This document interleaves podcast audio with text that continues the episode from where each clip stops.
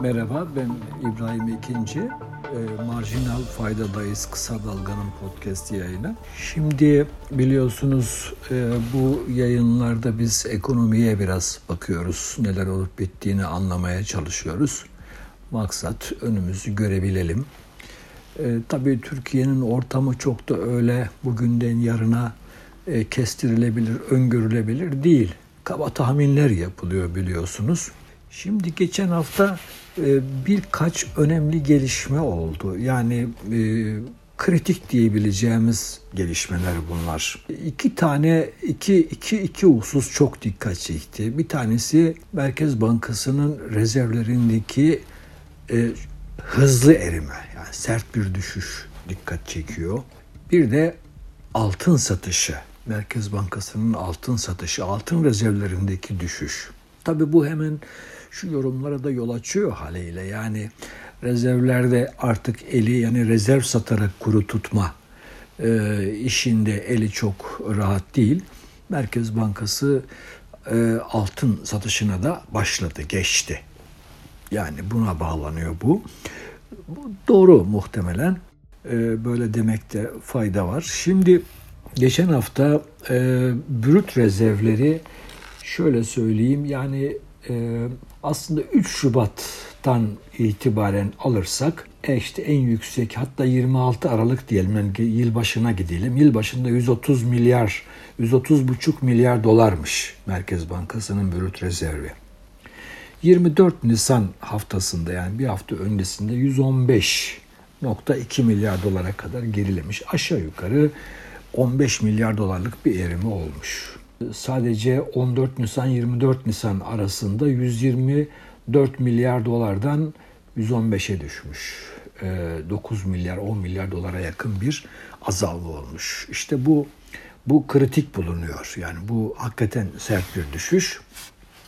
Ee, yine e, son 3 haftada yani döviz hesapları yani KKM dahil döviz hesaplarında 18.4 milyar dolarlık bir artış e, olmuş. Yani bu dolarizasyon, dolara geçiş, tasarrufların dolara geçişi filan veya dolara endeksli varlıklara, hesaplara geçişi çok hızlı. Dolarizasyon denen şey bu.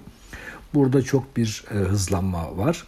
Yine Merkez Bankası'nın hani net uluslararası rezervler denen bir bilanço göstergesi var.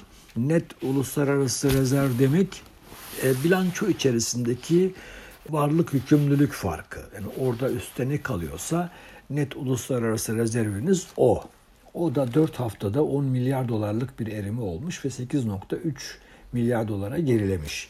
Bu çok düşük bir e, miktar ve tabii Merkez Bankası'nın elinin sıkışmakta e, olduğu görüşünü hem bu miktarın düşüklüğü söylüyor hem de erimenin hızı söyletiyor. Dolayısıyla burada böyle bir durum var.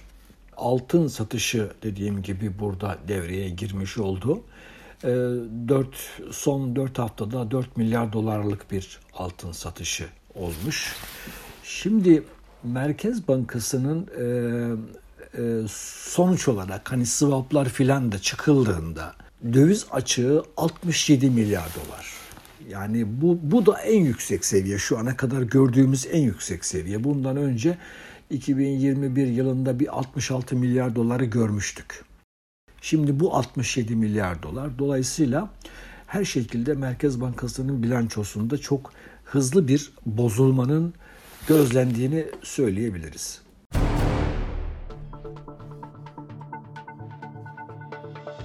Altında da onu söyleyeyim. Şimdi altında da son 559.7 e, ton diye. Yani aslında 560 ton diyelim buna. 560 tondan 487 tona gerilemiş. Yani burada da çok sert bir düşüş var.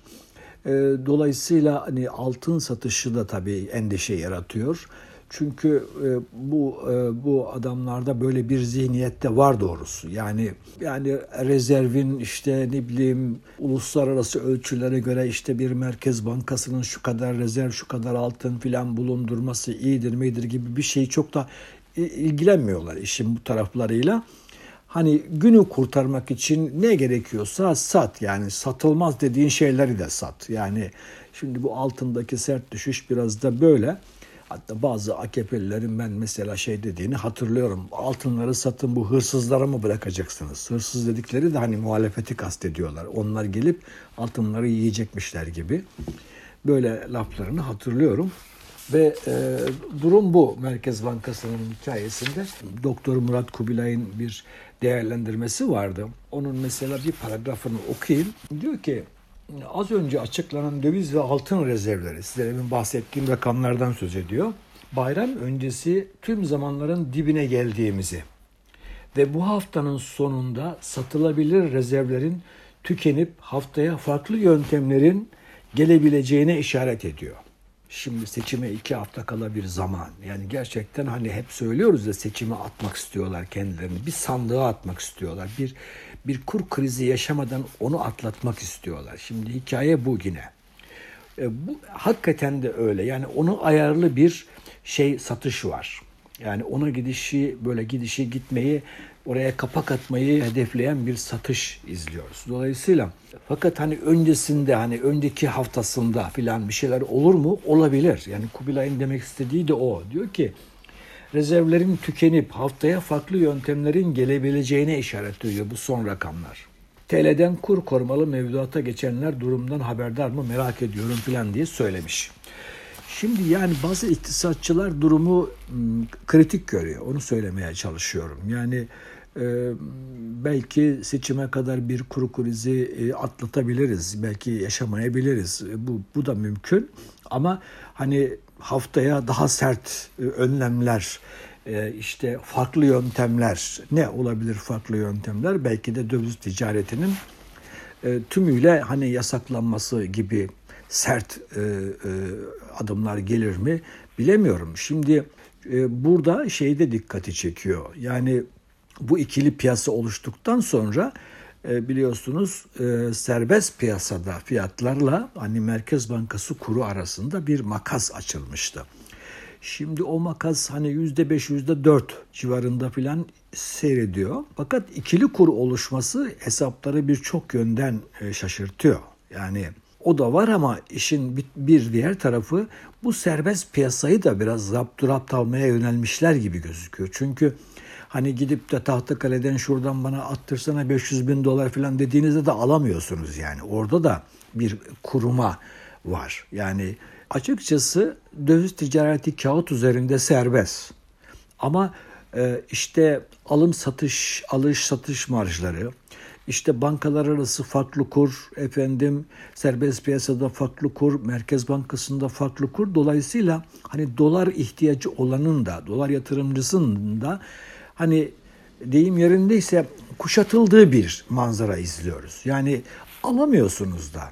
Yani e, o marj açık olunca alış satış marjı efendim alırken zarar ediyorsunuz, satarken zarar ediyorsunuz. Böyle bir durum var. Yani işte kapalı çarşıda e, da döviz çok bol değil. Yani çok hani vade veriliyormuş. İşte üç gün sonra gelirsin. Hani bugünden diyorsun ki şu kadar dolar istiyorum filan. Toplayacak adam yani.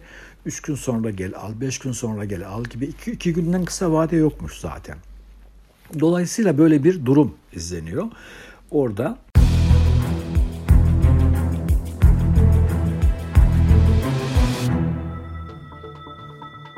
Şimdi tabii bu gelişmenin bir başka boyutu daha var.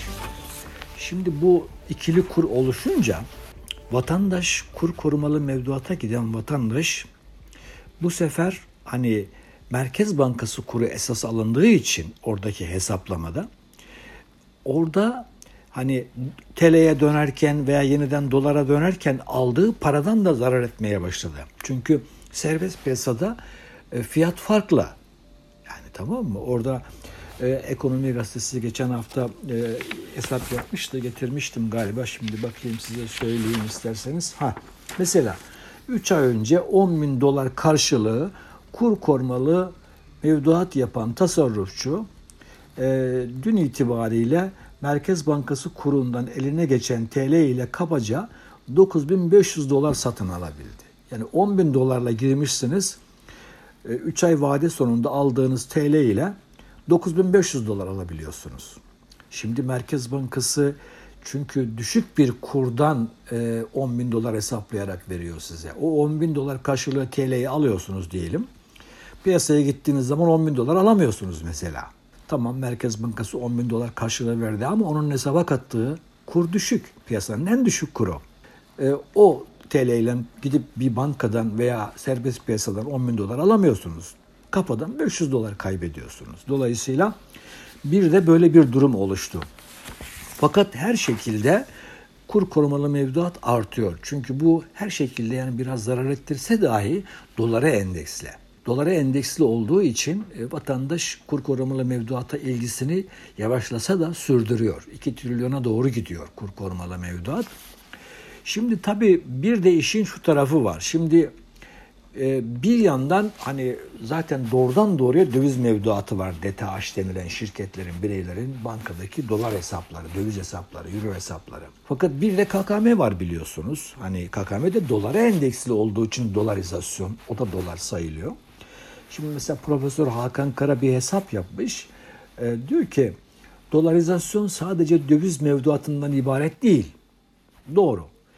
Yurt içi yerleşiklerin tüm döviz ve dövize endeksli varlıklarını esas alınca, oradan bakınca tablo şu diyor. Kur korumalı mevduat başladığında 254 milyar dolar olan dövizli varlıklar geçen hafta 330 milyar dolara ulaştı.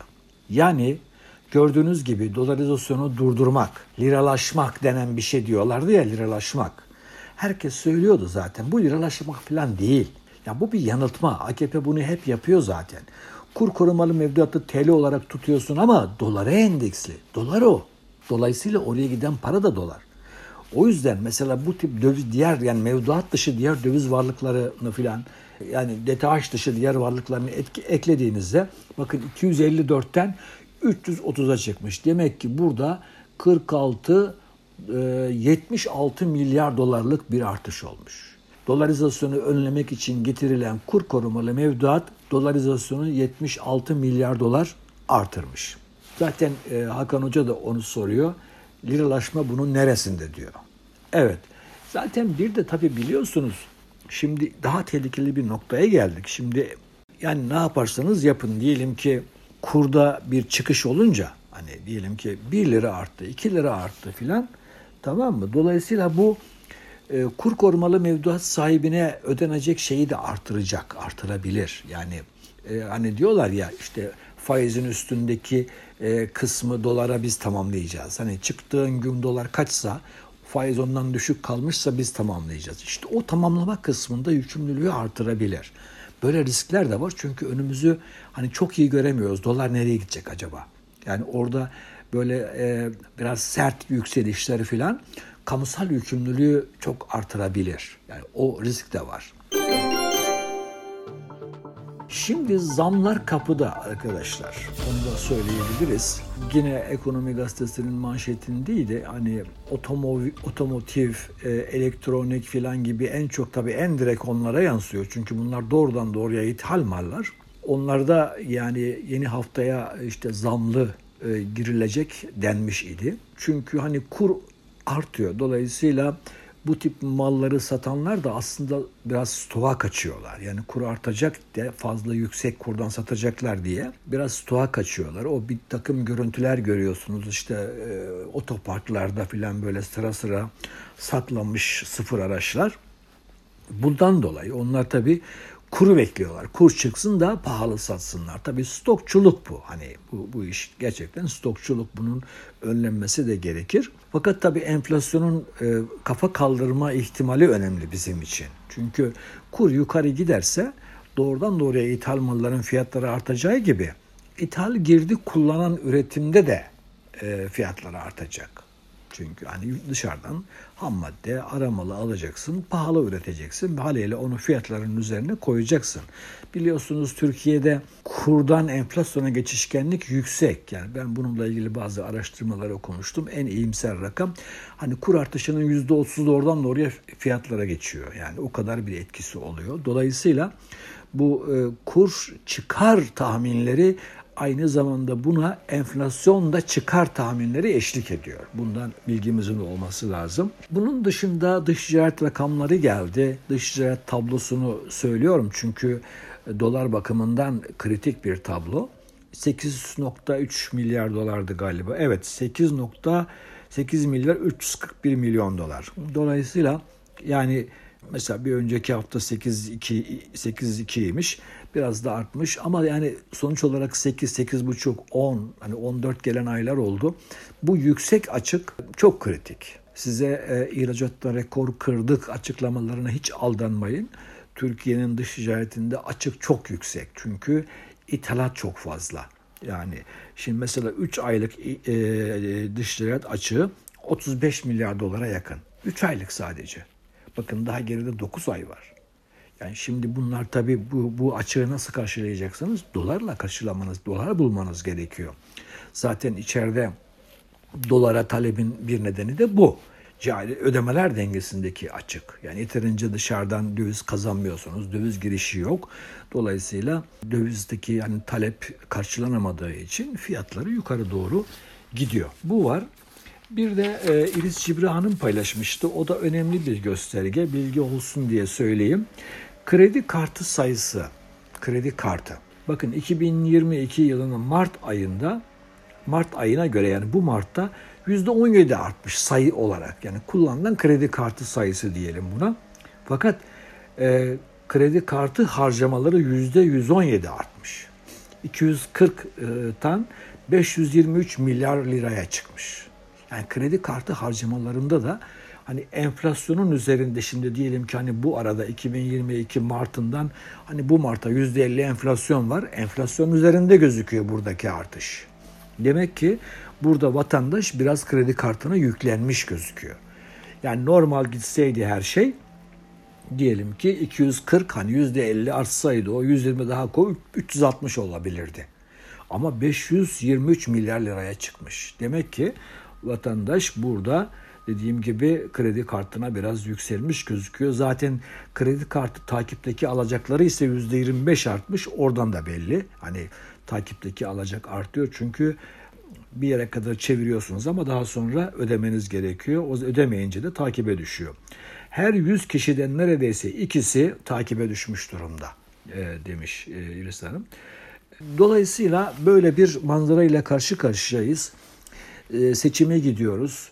E, bu hükümetle e, yol alınamaz. Yani sorun şu yani bizim e, tabii ki hani ekonomiye, iktisadın hani e, işte ne bileyim biliminden, anlayışından, görüşünden bakıldığında biz kriz içerisindeyiz ve bu çok tehlikeli biçimde derinleşiyor. Yani Türkiye'nin bu gidişle hani bir ödemeler dengesi sıkıntısı yaşaması sanki sanki kaçınılmaz gibi gözüküyor. Seçimden sonra da olsa yani. Çünkü Hani düşünün bakın Merkez Bankanızın kasası boş hatta açık veriyorsunuz altınları satıyorsunuz filan değil mi? Yani bu sıkıntılı gözüküyor. Tek yani tek umut, tek çıkış yeni bir iktidar, yeni bir hükümet gelirse çok büyük sıkıntılar devralacak, çok büyük enkaz devralacak ama hiç olmazsa hani bir yabancı artık burada hani demokrasi, hukuk, işte adalet filan vaat eden bir hükümetin geldiğini düşünecek. Yani buraya gelmek için cesareti artacak ya ve öyle bir dolar girişi. Yani tabii bunu hani e, memleketin ihtiyacını karşılayacak mı karşılamayacak mı bunu kestirmek kimsenin harcı değil. Ben de bilemiyorum ama sonuç olarak şunu kestirebiliyorum. Dolar kuru biraz yukarı gidebilir. Dolar dolara talep artabilir ama aynı anda girişler de başlayabilir. O girişler o talebi örtebilir mi, karşılayabilir mi onu bilemiyoruz. Yani bilemem gerçekten ama durum biraz böyle. Her şekilde Türkiye'nin hani sadece çocuklarını yatağa tok göndermek için değil, sadece gençlerine iş aş bulmak ve umut vermek için değil. Hakikaten böyle hani bu şu önümüzde hani başımızı bir belaya sokmadan geçmek için de e, yeni bir hükümete, yeni bir anlayışa, hukuka, demokrasiye ihtiyacı var. Bu haftalıkta bu kadar. Kendinize iyi bakın. Hoşçakalın.